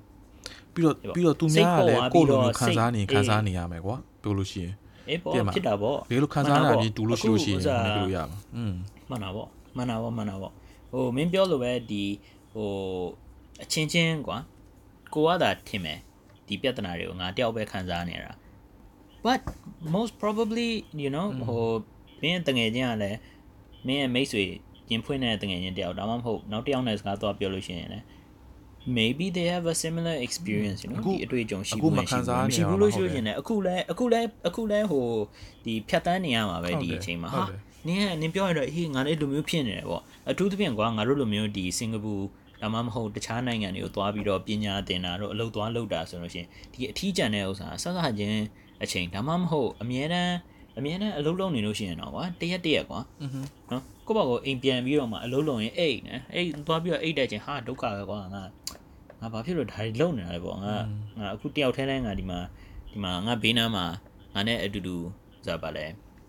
နော်ကျင်နာဖို့မှာချစ်ဖို့လူကလည်းမရှိငါဘာသာတယောက်ထဲဒီမှာအကုန်လုံးပြဿနာတွေတက်ပြီးတော့ရုံးမှာဒီပြဿနာတွေဖြတ်တန်းနေရတဲ့အချိန်မှာဘာဖြစ်လို့ငါဒီဥစ္စာတွေကိုငါလှုပ်နေရလဲပေါ့နော်ငါငါပဲဘာဖြစ်လို့ဒီလိုမျိုးခံစားနေရလဲပေါ့ငါဘာကြောင့်ဒီအကြောင်းတွေကိုလုံနေတာလဲဆိုတဲ့ဥစ္စာကတော့ လူတိုင်းရှိရငါတို့တွေငါတို့တွေငါတို့တွေပေါ့နော်ဒီ there are many people who are in a similar situation like this လားအနေနဲ့အချင်းတော့အများအားရှိပါမယ်အဲ့တော့ဟိုညာညာရေးကောင်မှာအဲ့လိုမျိုးဖြစ်တယ်ဆိုလို့ရှိရင်တော့ဟိုတကယ်ချင်းတယ်လီဖုန်းသွားခေါ်လို့တော့မရဘူးပေါ့နော်ဟုတ်အရင်ဆုံးတကယ်အရင်ရင်းနှီးတယ်ဆိုရင် coin ခေါ်ပေါ့ရတာပေါ့မှာအရင်ခေါ်တယ်ဆိုလို့ရှိရင်လည်း I'm pretty sure ဟိုတကယ်ချင်းကခင်တယ်ဆိုလို့ရှိရင်ရင်းနှီးတယ်ဆိုလို့ရှိရင် I'm sure they don't mind လားနားလည်မှာသူနားလည်မှာအဲ့ဒါမျိုးမှမဟုတ်လို့ရှိလို့ရှိရင်လည်း ငါတို့ခေါ်လို့အဲ့ရဒါမျိုးမှခေါ်လို့မရငါတို့ခေါ်လို့လည်းရတယ်နော်ငါတို့ရဲ့ Facebook ဝယ်မှာငါတို့ပြောမှာ Messenger မှာငါ့ကိုခေါ်တော့ငါဖုန်းနံပါတ်ငါတို့ရဲ့ bio ထဲမှာထည့်ပေးတာဖုန်းနံပါတ်ဘာလို့ထဲမှာမထည့်ပြီးတော့ငါတို့ Facebook Messenger မှာကွာတကယ်လို့ညဘက်မှာ depression ဝင်နေရဆိုရင် message ရိုက်ရိုက်အေးပေးလိုပေါ့က် ရိုက်လို့လည်းရတယ်ငါတို့ရဲ့ဒီ Chilty podcast ရဲ့ episode တွေလည်းအများကြီးရှိတယ်အဲဒီဥစ္စာသွားပြီးတော့နားထောင်လို့ရှိရင်လည်းငါတို့ရဲ့ဒီစကားပြောနေတဲ့ပုံစံမျိုးပေါ့နော်တိတ်ပြီးတော့နည်းနည်း distraction တော့ရှိတာပေါ့လား plug က plug ကအောင်တယ်နဲ့ဝင်လိုက်ရတယ်အဲ plug ကလည်းနည်းနည်းဝင်တယ်မဟုတ်ဘူးပါငါဒီဒီငါတို့ရဲ့ဒီတချို့တငယ်ချင်းတငယ်ချင်းတယောက်ပြောတယ်ငါမင်းတို့ရဲ့ podcast ဆိုနားထောင်နေတဲ့ဘာလို့တာလဲအေးလို့ကောင်းလားဆိုအမဟုတ်ဘူးတယ်ငါအိတ်လို့ရှင်နားထောင်တာတဲ့မင်းတို့စကားပြောလို့ရှင်ငါအိတ်ပြော် အမျိုးအမျိုးငါတို့မပါလဲတိတ်ပြီးတော့သူများကိုနော်ဟိုအိတ်ဖို့အထောက်ဖြစ်တယ်ဆိုလို့ရှိလို့ရှိရင်တော့ဝမ်းသာပါတယ်နားထောင်ပြီးငါတို့ကဝမ်းသာဝမ်းသာဟုတ်တယ်အင်းဝမ်းတာတာပေါ့မှ depression ဖြစ်ပြီးတော့ငိုယုံနေတဲ့စားလို့ရှိလို့ရှိရင်ငါတို့အတန်နားထောင်ပြီးတော့အိပ်ပျော်ရတယ်ဆိုလို့ရှိရင်ငါတို့အများကြီးကျေးဇူးတင်ပါငါတို့ဝမ်းတာပါအေးပေါ့ငါတို့ဘလို့ပဲဖြစ်ဖြစ်ကွာ ဟလာငါတို့ရဲ့ဒီ podcast ရဲ့ episode မျိုးစုံတော့ရှိတယ်အဲ့လိုမျိုးကျွနားညာထောင်သေးဝင်လားကျွညာသေးဝင်အကြောညာကြောညာဝင်တာအပြင်ဟိုဗာလဲအဓိကကတော့ဒီ depression ဖြစ်တဲ့ဒီစိတ်ဓာတ်ကျနေတယ်ဆိုလို့ရှိလို့ရှိရင် first step ကတော့ငါငါတို့အမြင်ပေါ့နော်ဟို by all means we are not ဟိုဗာလဲ professional or certified or whatever လာဒါပေမဲ့ငါတို့ရဲ့ဒီ personal experience အရာပေါ့ပထမဆုံးအချက်ကတော့ you just try to distract yourself and ဟိုကိုယ့်ဘာကိုစိတ်ငြိမ်အောင်ပေါ့အဓိကကတော့လိုအပ်တယ်ပေါ့နော်ဒါကတော့ငါတို့ဒါဒါငါတို့ဘယ်လိုမျိုးဘယ်လိုမျိုးဖြတ်တန်းလာခဲ့လဲဆိုတော့ငါငါတို့ကတော့ကိုယ့်ဘာကို distraction အရင်ဝင်ပြီးတော့မှကိုယ့်ဘာကိုသုံးသပ်ကြည့်ပြီးတော့ဘယ်လိုမျိုးဆက်ပြီးတော့ကြော်လွှမ်းရမလဲဆိုပြီးတော့ပေါ့နော်ဒီ external motivation ပဲဖြစ်ဖြစ် internal motivation ပဲဖြစ်ဖြစ်ပေါ့အဲ့ပေါ့အဲ့လို depression ဝင်တဲ့လူတွေအတွက်တော့အကောင်းဆုံးကတော့ဝင်လို့ရှိလို့ရှိရင်တော့အဲ့လို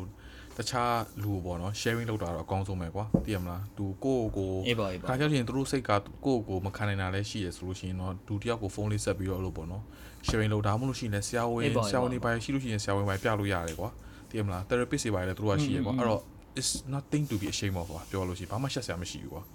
ငါတို့ဒီအသက်ဒီအရွယ်မှာကဘာမှရှက်စရာမရှိဘူးလူများတွေလည်းပြဿနာတွေရှိခဲ့တယ်ဒီလူမျိုးတွေရှိတော့ဘာမှရှက်စရာမရှိဘူးကွာသိရမလားနော် อืมဘလို့အခက်ခဲပဲဝင်ပေါ့ကွာမင်း graph ဆွဲလိုက်တယ်ဆိုရင်ဟိုးပဲအောက်ဆုံးရောက်နေပြီဆိုလို့ရှိရင်လည်းမင်းအောက်ကိုဆက်သွားကြမလို့တော့အပေါ်တက်ရုံအပေါ်တက်ရုံမရှိတော့ညအပေါ်တက်ရုံပဲရှိရတယ်အဲ့တော့အကုန်လုံးကဒီ is the only the only thing is that အောက်ဆုံးရောက်နေလို့ရှိရင်အပေါ်တက်ဖို့အတွက်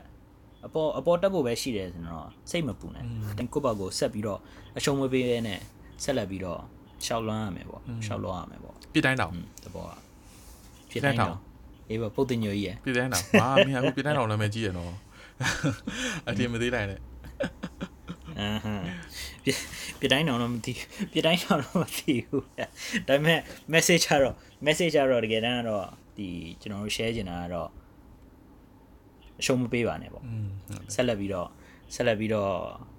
ပြဿနာတွေရှိတယ်ဆိုရင်သူများတွေကို share ပြီးတော့အကုန်လုံးအတူတူဘယ်လိုမျိုးကြော်လွှမ်းရမလဲအဲ့ဒါမျိုးပေါ့အဓိကကတော့ဒါနဲ့အာဟိုဟာအ ဒီ ရှုံး ဒီဒီငါတို့ရဲ့ငါတို့ရဲ့ဒီပေါ့နော်ဒီ depression နဲ့ motivation အကြောင်းပြောနေရင်လည်းဟိုအဲတခြားတခြားပရိသတ်တွေလည်းသိမှာပေါ့ဒီလုံးဝဟို famous people ဘာညာဒီ motivation video တွေလည်း YouTube ကတကယ်တမ်း YouTube မဟုတ်လို့ရှိလို့ရှိရင်လည်းတခြား Facebook တို့မှာလည်းအများကြီးရှိတာပဲเนาะဟုတ်တယ်မလား ဟုတ်တယ် ဘယ်လို motivate လုပ်ရမ ရှိရ လဲ ရှိ ဆို ရ တော့ ရှိရအများကြီးရှိတယ် อืมอืมကျွန်တော်တို့ရဲ့အဲ့အဲ့ဒီ motivation အတွက်ဒီ example ပေါ့နော်။ ဟာပြောရမယ်ဆိုလို့ရှိရင်အခုငါတို့ Marvel movie တွေပါကြည့်ရမလား။ဒီဒီ Avengers ဆိုမင်း Captain America ဘာညာအခု Marvel ကသူ့ရဲ့ owner ပိုင်ရှင်က Disney Disney တော့အကုန်လုံးကတော့သိမှာပေါ့နော်။ Disney ဟိုကာတွန်းကားတို့ဗာဒီ Frozen အာတို့ Mickey Mouse ပဲတည်အာ Lion King တို့ဗာညာအေး Mickey Mouse ဆိုအေးအဲ့ Disney company ကိုစတဲ့ Walt Disney อืมသူတကယ်တထေးဒီပိုင်ရှင်ကသူ့ရဲ့ story ပေါ့နော်ဥပမာ ဒီငါတို့ငါတို့ရဲ့ personal story မကောက်ဒီ Walt Disney ရဲ့ဒီ story ကိုလည်း share မယ်ဆိုလို့ရှိလို့ရှိရင် Walt Disney ကပထမကဘာစစ်မှာတွားပြီးတော့စစ်တိုက်ရတယ်နော်သူသူဒီ Disney company ဒီ Disney company မပိုင်ခင်မှာပထမကဘာစစ်တွားပြီးတော့စစ်တိုက်ရတယ်နော်စစ်မတိုက်တဲ့အပြင်အဲဟိုပေါ့စစ်မတိုက်ခင်တော့ကသူចောင်းတက်နေတာចောင်းတက်နေတဲ့သူ university ဘာညာတက်နေတဲ့အချိန်မှာသူ့ကို ဟိုပကြီးဆွဲတယ်ပေါ့နော်။ तू ကပကြီးဆွဲတဲ့ဥစ္စာကို तू ကသင်နေတာပညာကိုလေ့လာနေတာ။အဲ့ဒါကိုသူ့ကိုပကြီးမဆွဲနဲ့တဲ့။သူ့ရဲ့ပကြီးဆရာပြောတယ်တဲ့။မင်းက imagination imagination မရှိတယ်မင်းစိတ်ကူးမရင်တတ်ဘူးတဲ့မင်းပကြီးမဆွဲနဲ့တဲ့။အဲအဲ့အဲ့ဆရာအဲ့ဆရာအဲ့ဒါမျိုးပြောတဲ့အချိန်မှာ तू နောက်တရက်နောက်တစ်နေ့မှာနော် Mickey Mouse တွေပိုင်းညာတွေကိုဆွဲပြီးတော့ Walt Disney ဆိုပြီးတော့ကောင်းမှာအကြီးဆုံး entertainment industry လိုမျိုးပိုင်ရှင်ဖြစ်မယ်လို့လည်းမထင်မိဘူးဟုတ်လား so so ဒီဒီ Walt Disney ရဲ့ဒီသူ့ရဲ့ story ကို share လိုက်တယ်ဆိုလို့ချင်း तू က तू ကငါတို့ငါတို့လိုမျိုးပေါ့နော်ဒီငါတို့လိုမျိုးဘွားနဲ့မတူသူတို့ကကဘာစစ်ဖြစ်နေတဲ့အချိန်မှာသူကစစ်ကဝင်တိုက်ရသေးတယ်အဲသူ့ဘာသူကံကောင်းစွာနဲ့သူအချင်းဒါပါအသက်ရှင်ပြီးတော့သူပြန်လာရကွာပြန်လာတဲ့အချိန်ကျတော့ဟာစစ်တိုက်ပြီးတော့ဘယ်လိုဖြစ်လဲဘာဆက်လုပ်ရမလဲဆိုတော့သူ22နှစ်ပဲရှိသေးတယ်အဲ့တုန်းက အဲ့တော့22နှစ်ပဲရှိတယ်အဲ့တော့မင်းစစ်သွားတိုက်တဲ့ဥစ္စာမင်းငငယ်လေးရှိတော့မင်းစစ်သွားတိုက်ရတော့ဟွန်းအဲ့တော့ဒီသူရဲ့22နှစ်မှာသူပြန်လာတော့သူကာတွန်းသူရေးတယ်ကွာသူကကာတွန်း series သူရေးတယ်ရေးပြီးတော့သူစပြီးတော့သူပေါ့နော်အဲ့ဒီအလုပ်ကိုလုပ်ကြည့်တယ်ပေါ့ပြန်လာတဲ့အချိန်မှာမအောင်မြင်ဘူးလုံးဝ bankrupt ဖြစ်သွား0อืมရှုံးလားအမျိုးဆိုတော့အဲ့ဒီလုံးဝရှုံးတာသူလုံးဝပတ်စံ bankrupt ဆိုတာမင်းလုံးဝပတ်စံမရှိတော့မရှိတဲ့အပြင် အာအဲ့တော့ तू ဆက်ပြီးတော့တခြားဥစ္စာ try ကြည့်တယ် try ကြည့်ရဘာလို့လဲဆိုရုပ်ရှင်ရိုက်ကြည့်မယ်ပေါ့နော် actor လုပ်မယ်ဆိုပြီး Hollywood ကိုသွား Hollywood လည်းမရအောင် อืม Hollywood လည်းမရမရမရလည်းမရတဲ့အပြင် तू ဟိုဗာလဲဒီ newspaper သတင်းစာမှာအလုပ်လုပ်သေးတယ်အဲ့တော့ newspaper သူ့ရဲ့ဒီ editor သူလုပ်တဲ့အချိန်မှာသူ့ကို editor တယောက်ကဒီကောင်မကြိုက်ဘူးတဲ့ မင်းကိုအလုပ်ထုတ်မယ်တဲ့ again သူ့ရဲ့ imagination စိတ်ကူးမရင်တတ်ဘူးတဲ့အဲ့ဒါမျိုးပေါ့နော်ဒီ lazy လည်းဖြစ်တယ်ပေါ့မင်းလုံးဝပြင်းတယ်ပေါ့ imagination လည်းမရှိဘူးဆိုပြီးတော့သူကလည်းဟိုးစားအလုပ်ကလည်းအထုတ်ခံရသေးပါဘူးကွာအဲ့တော့အဲ့တော့ तू ဘာလုပ်လဲဆိုတော့နောက်ဆုံးနောက်ဆုံးဟိုသူ့ရဲ့သူ့ရဲ့အိမ်ကကိုတောင်လေးမှာပဲကိုတောင်လေးမှာပဲ तू သွားပြီးတော့ သူကသူဒီကာတွန်းလေးရေးပြီးတော့သူစတာအဲ့ဒီရုပ်စာကနေပြီးတော့သူစတာပေါ့ဆိုအဲ့ဒါနောက်ဆုံးစတာကနေပြီးတော့သူမှဗာလဲသူ့ဘာသူရေးတဲ့ကာတွန်းကနည်းနည်း success ရလာတော့ဖြည်းဖြည်းချင်းဖြည်းဖြည်းချင်းအဲ့ဒီကနေပြီးတော့သူစပြီးတော့ရှေ့လျှောက်ပေါ့နော်ဘယ်လိုမျိုးအောင်မြင်လာရင်အောင်မြင်လာရင်လည်းဒီနောက်ဆုံးတော့ဒီ Walt Disney ဆိုပြီးတော့အခု Disney လုံးဝ story သူရဲ့ဒီ Walt Disney ရဲ့ story ပေါ့အင်းပေါ့လုံးဝအကြီးပဲအခုကဘာမှသူကအကြီးဆုံးလို့ဖြစ်လာ so ဒီ motivation story ကိုပြောရမယ်ဆိုလို့ရှိရင် तू သူ့မှာလုံးဝကွာကြာဆုံးတဲ့အချိန်အရှုံးအရှုံးအများကြီးရှိခဲ့တယ်အမင်းစစ်ထဲလဲသွားရသေးတယ်အာစစ်လဲဝင်တက်ရသေးတယ်အဲ့ဒီဥစ္စာမသိဘူးကံကောင်းတယ်သူပြန်လာတော့တခုခုလှုပ်ချင်တယ်ကာတွန်းလှုပ်ချင်တယ်ကာတွန်းလှုပ်ချင်တော့လဲသူလုံးဝရှုံးသွားသေးတယ်သတင်းစာအလုပ်လုပ်တယ်မအောင်မြင်ဘူးရုပ်ရှင်မင်းသားအလုပ်ချင်တယ်မအောင်မြင်ဘူးနောက်ဆုံးတော့သူ့ဘာသူသူ့ဘာသူအရှုံးမပေးဘူးသူဆက်လက်ပြီးတော့သူသူအရှုံးပေးလိုက်လို့ရတယ်အဲ့အချိန်မှာလုံးဝ လုံးဝသူသွားပြီးတော့မင်းဒီမှာတခုခုသွားမလို့လားမင်း suicide ပဲလုပ်မလားဒါမှမဟုတ်ဟိုသူသူလုံးဝအရှုံးပေးပြီးတော့ဒီမှာဒါဗာလဲဒီသမင်းဆိုင်ပဲဖွင့်မလားတခုခုပေါ့နော်လုံးဝအရှုံးပေးပြီးတော့သူ့ရဲ့သူ့ရဲ့ဒီရီမန်းချက်တွေပန်းတိုင်နေအကုန်လုံးသူလုံးဝအရှုံးပေးလိုက်လို့ရတယ်ဒါပေမဲ့သူအရှုံးမပေးမဲနဲ့သူ့ဘာသူကိုရောင်လေးထဲမှာပဲသူ့ဘာသူကာတွန်းလေးရှိပြီးတော့သူ့ဘာသူဆက်ပြီးတော့ရှောက်လွှားရင်းနဲ့လုံးဝဖြည်းဖြည်းချင်းအောင်မြင်သွားတာပေါ့အဓိက ငါပြောချင်တာကတော့အရှုံးမပေးနဲ့ပေါ့နော်အနိုင်မခံချိန်အနိုင်မတော့ခံအရှုံးမအချိန်တော့ဖြည်းဖြည်းချင်းကောင်းသွားမှာပေါ့အေးပေါ့အနိုင်မခံအရှုံးမပေးနိုင်လုံးဝလုံးဝပန်းနိုင်ပန်းနိုင်အောင်တော့မင်းအရှုံးမပေးရင်တော့မင်းရောက်သွားမှာပဲဆိုတဲ့ဥစ္စာကိုတော့အာပြောချင်တာရတာမျိုးပေါ့อืมပန်းနိုင်ကိုရောက်သွားမှာပဲဆိုတော့ငါတို့ဒါ closing statement လေးအနေနဲ့ပေါ့ပြောရရင်ငါငါကွာအခုရန်ကုန်မှာဖြစ်နေတဲ့မြန်မာနိုင်ငံမှာဖြစ်နေတဲ့အကြောင်းလည်းမင်းသိပါတယ်ဟုတ်တယ်ဟုတ်အာ နေရန်လိုလို Facebook မှာအကုန်ကြည့်ရတယ်ကွာအဲ့တော့ဟိုနိုင်ငံခြားမှာနေနေတဲ့မြန်မာနိုင်ငံသားတယောက်အနေနဲ့ကွာဟိုတခြားဒီပေါ့နော်တခြားနိုင်ငံခြားမှာပဲရောက်နေတဲ့ဟိုပေါ့နော်ဒီမြန်မာနိုင်ငံသားတွေအကုန်လုံးငါပြောချင်တာပေါ့နော်ဒါကတော့ဟိုဟာအေးပေါ့အေးပေါ့ survivor guilt ဆိုဆိုပြီးတော့ကွာမခံစားရပါနဲ့လို့အာငါလည်းခံစားရတယ်ကွာပြောလို့ရှိရင်ငါတို့ရန်ကုန်မှာမြန်မာနိုင်ငံမှာငါတို့ကရှိခဲ့လို့ရှိရင်ကွာဟို ကိုတန်တဲ့တော့ကိုလုံးလို့ရတယ်ကွာ especially ကွာမြန်မာစင်ကာပူမှာရောက်နေတဲ့မြန်မာနိုင်ငံသားတွေအနေနဲ့ဆိုလို့ရှိလို့ရှိရင်ကွာငါတို့ရဲ့အခုဟိုတစ်ခါငါတို့ first episode ထဲမှာတည်းငါတို့ပြောပြတယ်ကွာစင်ကာပူမှာသူ့ရဲ့ law တွေသူ့ရဲ့ဟိုဟာတွေရှိတယ်ကွာပြီးတော့ငါတို့စန္ဒပြချင်တယ်လည်းပြလို့မရဘူးစန္ဒပြဖို့တော့လည်း permit တွေပါယူရသေးတယ်ဟုတ်တယ်ဟုတ်အဲ့တော့စင်ကာပူမှာရောက်နေတဲ့မြန်မာနိုင်ငံသားတယောက်မြန်မာနိုင်ငံသားတွေအနေနဲ့သူတို့မလုံနိုင်တာဆိုလို့ကွာလူတာလူတန်းတာလုံနိုင်မယ်ကွာပြီးလို့ရှိရင် Facebook မှာငါတို့ share နိုင်မယ်မယ် Facebook မှာ share နိုင်တယ်အဲ့လိုပဲလုပ်နိုင်တယ် social media မှာ like share တယ်အဲ့တော့လုံနိုင် လုံနိုင်တာတွေအဲ့လိုပဲလုံနိုင်တာတွေကိုဝါတာနဲ့တော့ပဲလို့ပြီးလို့ရှိလို့ရှိရင်တကယ်လို့တာကိုကဟိုပေါ့နော်ပြိသက်တွေတော့မသိဘူးကွာငါဆိုလို့ရှိလို့ရှိရင်ကွာနေရန်လို့တော့အဲ့လိုတခုခုပေါ့နော်လူဟိုပေါ့နော် innocent life ကွာတခုလူတယောက်ဆုံးရှုံးခဲ့တယ်ဆိုတော့ဟိုဟာ Facebook မှာကြည့်ရလို့စိတ်မကောင်းဘူးကွာခံစားရတယ်ပြောလို့ရှိရင်ညီညီကိုမောင်နှမကြီးလို့ငါကွာအဲ့လိုခံစားရတယ်အေးပေါ့အေးပေါ့မှန်တာပေါ့မှန်တာပေါ့မင်းဘယ်လိုမျိုးစိတ်ဘယ်လိုမျိုးစိတ်ကောင်းနိုင်မလဲစိတ်ကောင်းနိုင်မလဲကွာမတရားခံနေတရယောတာက်တည်း အာမိဘတွေရှိမိသားစုရှိလို့ရှိရင်တော့မိသားစုနဲ့ပေါ့နော်ဒါဟိုနေဖြစ်လို့ရတယ်ငါဒီဟာကဘယ်လိုပြောမလဲသူခန်းစားနေရလူတွေကငါအဲ့လိုပြောချင်တာကွာ Facebook မှာ share တာတော့ share okay ရေ share လို့ရတယ်ဒါပေမဲ့ကိုနဲ့ကွာတငယ်ချင်းနဲ့ကွာတွေ့ဟိုမျက်နှာချင်းနဲ့ဒါမှမဟုတ်လို့ရှိရင်ကွာဖုန်းဆက်ပြီးတော့ကွာ ပြောကြတာငါကတော့အရန်ဟိုပြောမယ် emotionally အရန် recovery ဖြစ်တယ်လို့ပြောလို့ရမယ်ကွာဘာလို့ဆိုလို့ရှိရင်တချို့ငါငါကိုယ်နဲ့ခံစားရတာကွာရင်ဖွင့်လိုက်ပါနဲ့ပေါ့ဟုသွားတ်တမယ်ယ်ပေါ့ငါဘာလို့သူများတွေလည်းခံစားရတယ်ကွာငါဆိုခံစားရတာဆိုလို့ရှိရင်ကွာရန်ကုန်မှာလည်းဘာမှမလုပ်ပေးနိုင်ဘူးဒီမှာပဲငါတို့လှူတာရယ် Facebook မှာ share လောက်ပဲလုပ်နိုင်တာကွာအေးပေါ့အေးအဲ့ပေါ့တော့ဘာအေးမှမပေါ့လုပ်ပေးနိုင်တော့သိရမလားအေးပေါ့အေးပေါ့ပြီးတော့သူများတွေကညဘက်မှာဟိုမှာအဆင်မပြေအေးပေါ့ဘူးမီးတွေပါပြတ်တယ်မှာအချိန်မှာငါကစင်ကူမှာ AC နေနေရတဲ့ဘွားကြီးอ่ะကွာတမှုပဲခုတယ်ကွာ ခုနေလို့ရှိလို့ရှိရင်ကွာဟိုအေးပေါ့အေးပေါ့အေးပေါ့ခုတော့ခုမှာပဲကွာဒါကတော့မတက်နိုင်ဘူးပြောလို့ရှိလို့ရှိရင်သိရမလားအဲ့တော့ကိုတက်တဲ့လောက်ပဲကိုကလှုပ်ထားပြီးပြီအဲ့တော့စိတ်အားမငယ်နဲ့ကွာသူများနဲ့အဲ့လိုပေါ့တငယ်ချင်းနဲ့ရင်ဖွင့်စကားပြောလိုက်ပါစကားပြောလို့ရှိရင်ကွာခံစားရတာတွေလေပို့ပြီးတော့ပြေသွားလိမ့်မယ်ကွာငါတို့ဆိုလို့ရှိရင်ငါနဲ့မြင်တဲ့ခါကျလို့ရှိရင်ကွာ message ရိုက်တယ်ကွာပြောကြည့်ဟာဘာဖြစ်နေလဲပါအဲ့လိုမျိုးကွာပြောရလို့ရှိရင်ကွာအေးပေါ့အေးပေါ့မနာမနာမနာကိုကိုကိုတီးပါမှာကိုတယောက်တည်းမဟုတ်ဘူးဆိုတဲ့ဟာမျိုးပေါ့ငါကတော့ခုနကပြောလို့ depression လို့ပြောလို့ရှိရင်ကိုတယောက်တည်းမဟုတ်ဘူးကိုတယောက်တည်းခံစားနေရတာမဟုတ်ဘူးဆိုတဲ့ဟာလေးကတော့ သူများရဲ့အကုန်လုံးလဲငါတို့တွေလည်းအကုန်လုံးစိတ်မကောင်းခံစားရတာပါအဲ့တော့အဲ့လိုမျိုးမှာကွာဟိုပေါ့မှန်တာပေါ့အားပေးစကားလေးပေါ့နော်တယောက်နဲ့တယောက်ပြောကြပြီးတော့ပဲဒါကတော့ဟိုပေါ့နော်ဟိုဒီရန်ကုန်မှာဒီမြန်မာနိုင်ငံမှာဖြစ်နေတဲ့ဟိုမြန်မာနိုင်ငံမှာဆန္ဒပြနေတဲ့လူတွေကိုလည်းအားပေးစကားပြောကိုကလည်းဒီအချင်းချင်းဒီမှာအားပေးစကားပြောပြီးတော့ပဲဆက်ပြီးတော့ပဲငါတို့အနိုင်မကန်အရှုံးမကေးအရှုံးမပေးပြစ်တိုင်းတောင်အင်းပေါ့အင်းပေါ့အင်းပေါ့မှန်တာပေါ့ကျွန်တော်တို့လည်းဒီကျွန်တော်တို့ရဲ့ Chilty podcast အကုန်လုံးလည်း အဲ့ဒါမျိုး depression စိတ်စိတ်မကောင်းမဖြစ်ပါနဲ့ပေါ့နော်ဒီစိတ်မကောင်းစိတ်မကောင်းနာကျွန်တော်တို့လည်းအကုန်လုံးလည်းစိတ်မကောင်းကျွန်တော်တို့လည်းအကုန်လုံးလည်းခံစားနေရတာပဲပေါ့ဒါပေမဲ့ဟိုအရင် guilty မဖြစ်နဲ့ပေါ့နော်ဟုတ်တယ်ကျွန်တော်အရင်ဒီ depression လည်းမဝင်ပါနဲ့ဟုတ်တယ်လားတကယ်ကျွန်တော်မိတ်ဆွေတို့လိုမျိုးပဲ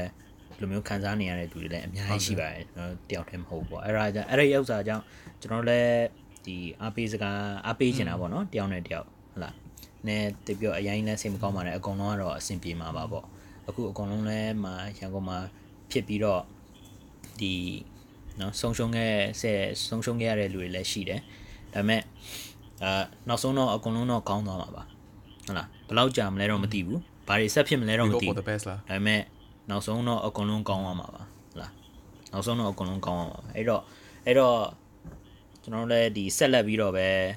ဒီ Facebook မှာ share တာဟောကျွန်တော်တို့လုံနိုင်တာပဲလုံရတာပေါ့နော်ဟုတ်တယ်မလားပြောလို့ရှိရင်တကယ်ဒီလို့ပေါ့ငါလုံနိုင်တာငါတို့ဒီဆက်အစားပါလဲဒီ donation ပေါ့နော်ကျွန်တော်တို့လူလူတန်းတာတို့ဒါမှမဟုတ်ဒီ Facebook မှာ share ပြီးတော့ awareness လုပ်တာတို့အခုအခုမင်းတို့ဒီငါတို့ share လုပ်တဲ့ဥစ္စာဘယ်လောက် effective ဖြစ်လဲပေါ့နော်အကုန်လုံး video ရိုက်တဲ့ဥစ္စာတွေ like ပြီးတော့ share ပြီးတော့ feed တို့လုပ်နေတယ်ဆိုတော့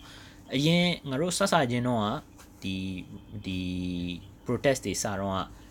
comment section ပါညာကိုကြည့်လိုက်တယ်ပေါ့နော်ဒီ news တွေဟုတ်တယ် news website တွေမှာကြည့်လိုက်တယ်ဆိုလို့ရှိရင်အစတုန်းကတော့မြန်မာတွေကြီးပဲစကားပြောနေတာဟုတ်တယ်ငါတို့ဒီဥစ္စာလောက်ပါတခါလေကြာလို့ရှိရင် call တဲ့လူတွေရှိတယ်ဆဲတဲ့လူတွေရှိတယ်ဟိုအခုညီတောင်းတဲ့လူတွေရှိတယ်အများကြီးပဲအခုနောက်ပိုင်းမင်းကြည့်လိုက်တယ်ဆိုလို့ရှိလို့ရှိရင်ငါတို့မြန်မာတွေကနေသွားပြီနိုင်ငံသားတွေနိုင်များလာပြီဟာမင်းတို့ဒီဥစ္စာမလုပ်တင်ဘူးငါတို့ရဲ့ဒီဟို human rights ကလည်းရှိရသေးတယ် ငါတို့တွေဒီမြန်မာမြန်မာလူမျိုးတွေကိုအားတင်းထားပါ เนาะအားပေးပါတယ်ဆိုပြီးတော့အကုန်လုံးအားပေးနေတဲ့နိုင်ငံခြားဒီ foreigner တွေအများကြီးပဲ so what i want to say is ငါတို့တွေအကုန်လုံးကိုအရှုံးပေးပါနဲ့အကုန်လုံးအားတင်းထားပါ ဟုတ် ဟုတ် တ တယ် ယ်လားအကုန်လုံးငါတို့လုံနေတဲ့ဥစ္စာ effective ဖြစ်နေတယ် နော်ပေါ့ပြည်ပရောက်နေတဲ့ပေါ့မြန်မာတွေအတွက်ကတော့အလုံးကမင်းကုနာကပြောသလိုပဲကွာလှူဒန်းတာလှူဒန်းနိုင်တော့လှူဒန်းကွာပြီးလို့ရှိရင် အင်းပေါ့ ဒီ Facebook share တာတွေပါပြီးတော့ပြီးလို့ရှိရင် awareness ဆိုငါပြောလို့ရှိရင်တော့ဒါ ကို့မှာတကယ်လို့အေးပေါ့စိတ်ဝင်စားလာတဲ့မှန်တယ်ပေါ့စင်ကာပူရန်တငယ်ချင်းတွေပါရှိခဲ့လို့ရှိရင်တခြားရှင်းပြလိုက်သူတို့ကနားလေပိုနားလေလို့ရှိရင်ဒါသူတို့က awareness ဒီ example ပေါ့ပြောသူလို့တို့ရှိရနားင်လည်ပေးပေါ့နော်သူတို့တွေမသိလို့ရှိရင်လည်းနားလည်ပေးပြီးတော့နည်းစိတ်ရှိရှိနဲ့ပဲရှင်းရှင်းပြပြပေးလိုက်ဟုတ်တယ်ကွာ example ပြောလို့ရှိရင်ငါဒီနေ့ taxi စီးလာတဲ့ taxi သမား taxi ကားမောင်းကားမောင်းပေါ့နော်ကားမောင်းဆရာက तू က Yeah. ငါထက်တောင် तू ကပိုပြီးစိတ်တူတယ်ပြော ရကားရပါငါငါအလုပ်ပြီးလာတော့ကွာတော်တော်ပြီးလေးပြင်ပန်းနေပြီကွာ အေးပေါ့အေး ဘ ပေါ့ က်ထရီကလုံးဝ flat ဖြစ်နေ အေး ပြီ လေ taxi အေးလေ နဲ့အလုပ်ပြန်လာတဲ့အချိန်မှာ तू က အေး ငါငါနာမည်ကြည့်လိုက်ပြီးတော့ဟာမြန်မာပဲဆိုပြီးတော့ तू ကငါတော့စိတ်တူနေသေးတယ် तू ကဘာလို့ဒီလောက်ထိ အေး ကို ပေါ့ နေ အေးပေါ့ လုံနေရလဲဘာလို့ဒီလောက်ထိဟိုဟာပေါ့နော်ဖြစ်နေကြရလဲဆိုပြီး तू ကတော့ဒီဟိုဟာပေါ့နော်ဒီ dictator လို့သူကခေါ်တယ်ကွာသိရလား အေးပေါ့အေးပေါ့ ကို အေးပေါ့ဟုတ်တာပေါ့ အေးကို အာနာရှင် ဒီအာနာရှင် အေး ကို ပေါ့ သူကပို့ပြီးတော့စိတ်ကုန်နေပြီသူကပြောတယ်မင်းတို့လုံးဝ သူ့ကိုအနိုင်မပေးကြနဲ့တိလားဆိုရင်ငါပြောရတာငါကားပေါ်မစင်းရအေးပေါ့အေးပေါ့အေးပေါ့အဲ့တော့ကွာပြောလို့ရှိရင်ကွာမှန်ငါတို့ share နေတာအကုန်လုံးကွာ effective ဖြစ်တယ်ကွာသူတို့ကလည်းတည်တယ်သူတို့ကလည်းပိုပြီးနားလည်မှန်တယ်သွားရင်ဒါကကွာအေးပေါ့ external အေးပေါ့ external factor တွေဝင်လာလို့ရှိရင်တော့ဒါဟိုအေးရေပေါ့ရှည်ပိုင်းမှာကွာပြီးဟိုမင်းမင်းခုနပြောလို့ကွာဟို အစင်းတော့ပြေးသွားမယ်ဒါပေမဲ့ဘယ်လောက်ကြာမလဲဆိုတော့မသိဘူးအဲ့တော့အားတင်းပြီးဘယ်တော့လောက်ကြာမလဲဆိုတာမသိဆက်ပြီးဘူးဘယ်လိုဘယ်လိုဘာတွေဆက်ဖြစ်မှာလဲဆိုတာငါတို့ဘယ်သူမှမပြောနိုင်ဘူးလေอืมဟုတ်လားဟုတ်တယ်ပြောနိုင်တဲ့ဘေးရင်ဆရာတွေလည်းအကုန်လုံးဖန်ခံသွားရတယ်လေအဲ့ဒါငါတို့ငါတို့ black magic episode ကြောက်ရောအေးအေးပေါ့အဲ့ဒါမျိုးသိနေလို့ရှိရင်ကျွန်တော်တို့ net တင်တာပါတယ်ဒီဒီအကြောင်း discussion လုပ်ရတာ black magic episode မှာပါပါတယ်နော်တော်ရနားထောင်ကြည့်လိုက်ပါဦး black magic episode အင်းပေါ့အင်းပေါ့အင်းပေါ့ အကုန်လုံးအဲ့တော့ကျွန်တော်တို့ရဲ့ message ဒီ episode ရဲ့ message ကအဓိကကတော့အားလုံးတိတ်ပြီးတော့ဟိုအားမကြပါနဲ့အားမငယ်ပါနဲ့ပေါ့ဟိုစိတ်အားတင်ထားပါကျွန်တော်တို့ဆက်လက်ပြီးတော့ဆက်လက်ပြီးတော့ရှေ့လက်ရှေ့လျှောက်ကျွန်တော်တို့ကြာလာလို့ရှိရင်တော့အကုန်လုံးအဆင်ပြေပန်းနိုင်တော့အောင်မှာပါပန်းနိုင်အောင်ရောက်မှာပဲဟုတ်တယ်မလားအင်းပန်းနိုင်အောင်တော့ရောက်မှာပေါ့อืมတကယ်လို့ဟုတ်တယ်မှစိတ်တက်ကြနေတယ်စိတ်မကောင်းဆိုလို့ရှိရင်တယောက်နဲ့တယောက်နဲ့စကားပြောလို့ရတယ် share လုပ်လို့ရတယ်ကျွန်တော်တို့ရဲ့ဒီ Facebook က discussion မှာလည်းသွားပြီးတော့ဒီ episode discussion မှာလည်း comment ပေးလို့ရတယ်။မှာဆက်ပြီးတော့စကားပြောလို့ရတယ်ပေါ့ဟုတ်လားဟုတ်တယ်။နော်အဲကျွန်တော်တို့ရဲ့ဒီနေ့ဒီနေ့ဒီနေ့ episode ဒီမှာပဲဒီမှာပဲအဆုံးသတ်ကြရအောင်လားကိုအောင်ရင်ဒီမှာပဲသုံးသပ်လိုက်တော့မယ်အဲ့တော့ကျွန်တော်တို့ရဲ့ဒီနေ့ episode ကိုနားထောင်ပြီးလို့ရှိရင်အာ စိတ်ဝမ်းနေတာလေးကိုငါတို့ကဒီနေ့ episode အနေနဲ့ motivation ဆိုတော့သိရမလားစိတ်ဝမ်းနေတာလေးနည်းနည်းလေးပြည့်ပြည့်သွားတယ်စိတ်ညစ်တာလေးနည်းနည်းလေးပြည့်ပြည့်သွားတယ်ဆိုလို့ရှိရင်ကျွန်တော်တို့ရဲ့ episode ကိုလူတစ်ယောက်ဒါဝင်နှစ်ယောက်အဲ့လိုပေါ့နော် listener လေးတွေတငယ်ချင်းလေးတွေကို share ပေးပါပြီးလို့ရှိရင်ကျွန်တော်တို့ရဲ့ Facebook page ကိုလည်း like share and comment လေးပေါ့နော်လုပ်ပေးကြပါခင်ဗျာအဲ့တော့ကျွန်တော်တို့ရဲ့ chill tea podcast လေးကိုဒီမှာပဲအဆုံးသတ်လိုက်ပါမယ်ခင်ဗျာ